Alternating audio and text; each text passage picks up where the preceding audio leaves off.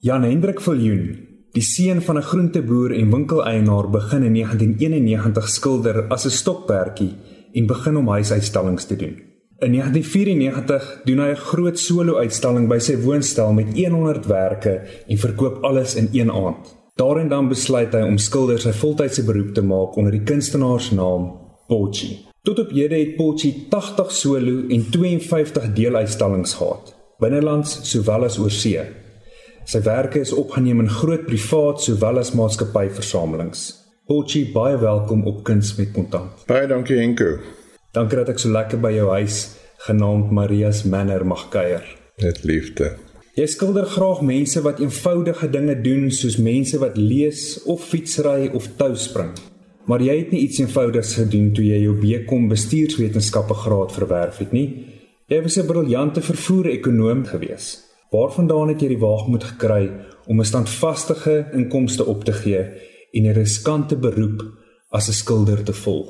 Omdat ek met um, skilderye soort van op die sykant begin het en dit meer as 'n stokperdjie bedryf het in die begin, het ek uh, dit sistematies vorentoe gevat en elke keer het ek 'n bietjie meer verkoop, bietjie meer verkoop en toe ek in einde 94 die uitstalling doen met die 100 werk en alles verkoop in een aand, het ek dog ek moet 'n kans neem met dit want ek dink dit is omtrent my enigste geleentheid wat ek het om aan myself te bewys dat ek dit kan doen op my eie en uh, 'n lewe kan maak met iets waarvoor ek lief is.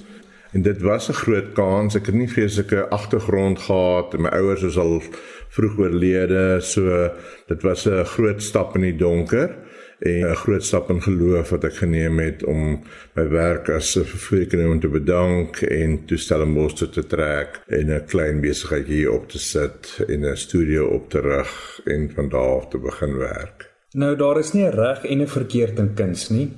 Die geheim lê in die oorspronklikheid daarvan en mens kan 'n potjie skilderye 'n myl ver herken. Jou besigheidsmodel is baie uniek. Sal jy my meer vertel oor jou handelsnaam as potjie? My handelsnaam Potjie het ek op skool gekry. Toe hulle vir my vra wat in my pa, toe sê ek nee, ons het 'n groentewinkel, ons het 'n groentewinkel en 'n kafee. Toe sê my senior, o nee, dis net Portugese mense wat dit doen. Ons noem jou sommer onmiddellik Portugees na 'n week toe roep hy my in toe sê hy gaan net 'n bietjie afkort na Portugie toe want die, die Portugese naam is om te lank en ek besluit dit is 'n naam met 'n storie en dit sou ek gaan gebruik toe ek begin skilder. Met die tyd het dit absoluut uh, die regte besluit uitgewys wat ek destyds geneem het en ek kon behalwe my skilderye kon ek my beelde, my produkte, alles wat ek amper na in 1991 nuut begin aanpak het, kon ek daaraan koppel en mense wat die naam gehoor het en hulle hoor dit weer het besef hulle het al van tevore te doen gekry daarmee en dit is 'n naam wat vasgesteek het by die publiek. Op die einde van die dag is ek baie dankbaar dat ek dit besluit het om dit te gebruik. Sal jy sê jou agtergrond en kennis as 'n vervoer-ekonoom het daartoe bygedra? Nee, ek dink meer my agtergrond as 'n kind van 'n winkeleienaar in 'n in 'n groentewinkel, want ons het van kleins af geleer hoe om 'n kusie tomaties te koop vir R10 en dan R2 se verpakking by te sit en dan potensiaal miskien R20 uit te haal. So ek dink daai kennis het my veel meer nog gehelp in my lewe as noodwendig die gegradueerde kennis. Jy het my vertel dat jy as kind geweet het dat as jy wortels en beet langs mekaar uitpak, dan verkoop hulle uit, vergeleke met wanneer jy hulle ver apart van mekaar sit. Ja. En jy het dit daar geleer en jy pas dit toe in jou skilderye. Ja, absoluut. Daar's 'n wetenskap rondom kleur. So as 'n absolute fyn balans van hoeveel geel saam met hoeveel blou gaan, hoeveel pers gaan, hoeveel saam met hoeveel rooi. En as jy daai balans verkeerd kry, dan kan jy die hele ding opmors. En ek dink tot vandag toe gebruik ek al daai kennis op 'n subtiele manier in my werk en ek gebruik dit om dinge uit te beeld en vir my te laat sin maak van goed en ook vir ander mense te laat sin maak van die goed wat ek doen. My gas staan nog aan die begin van haar loopbaan, maar ek wou baie graag by Bernice West uitvind hoe sy oor geld dink.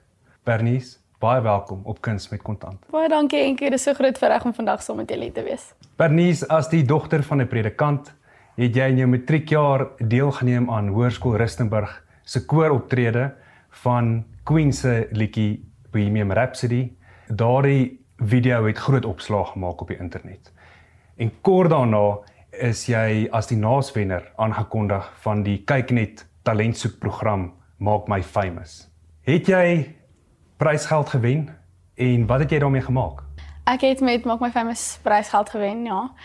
Ons het so 50000 randjies gekry. Ek het myself drie dinge beloof as ek geld wen: toertasse, 'n goeie selfoon vir content en 'n matriekvakansie. En ja, die res het ek maar in die spaarblokkie gesit vir die volgende jaar wat ons uit die skool uit is. Ons gaan musiek maak en ek het Pretoria toe getrek en ehm um, gedink ek het dit slim bemeester, maar ek was nie so slim soos wat ek gedink het nie.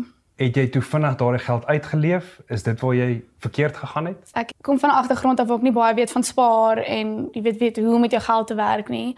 Ehm um, omdat ek nog altyd onder my ma se dak was ek het gedink ek weet wat is spaar tot en met ek actually nou geld gehad het in my rekening om mee te werk en toe besef ek net soos dit is nie so maklik soos wat 'n mens dink nie en veral soos as mense kunstenaar is wat hou van goedjies koop soos ek love shop dan het jy maar 'n bietjie guardian se nodig rondom dit so dit het vinnig gegaan maar ek moet sê ek het vinnig geleer um, wat dit is om met geld te werk ek weet nie of jy destyds versekerings op jou voertuig gehad het nie maar het jy 'n tipe van 'n versekering of 'n dekking uitgeneem om jou te beskerm vir wanneer jy nie kan sing nie.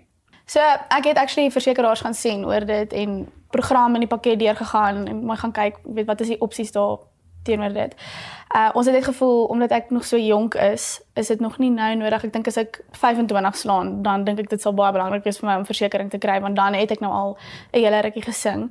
Maar veral nou in die beginstadium waar jy weet jy nog self verantwoordelikheid kan vat tot dusver doen jy goedjies vir jou stem wat dit kan beskerm dit nie nou nodig om versekerings te kry nie, maar sodra mens begin ouer word en jouself baie meer in die industrie begin uitlewe, is dit van kardinale belang ja.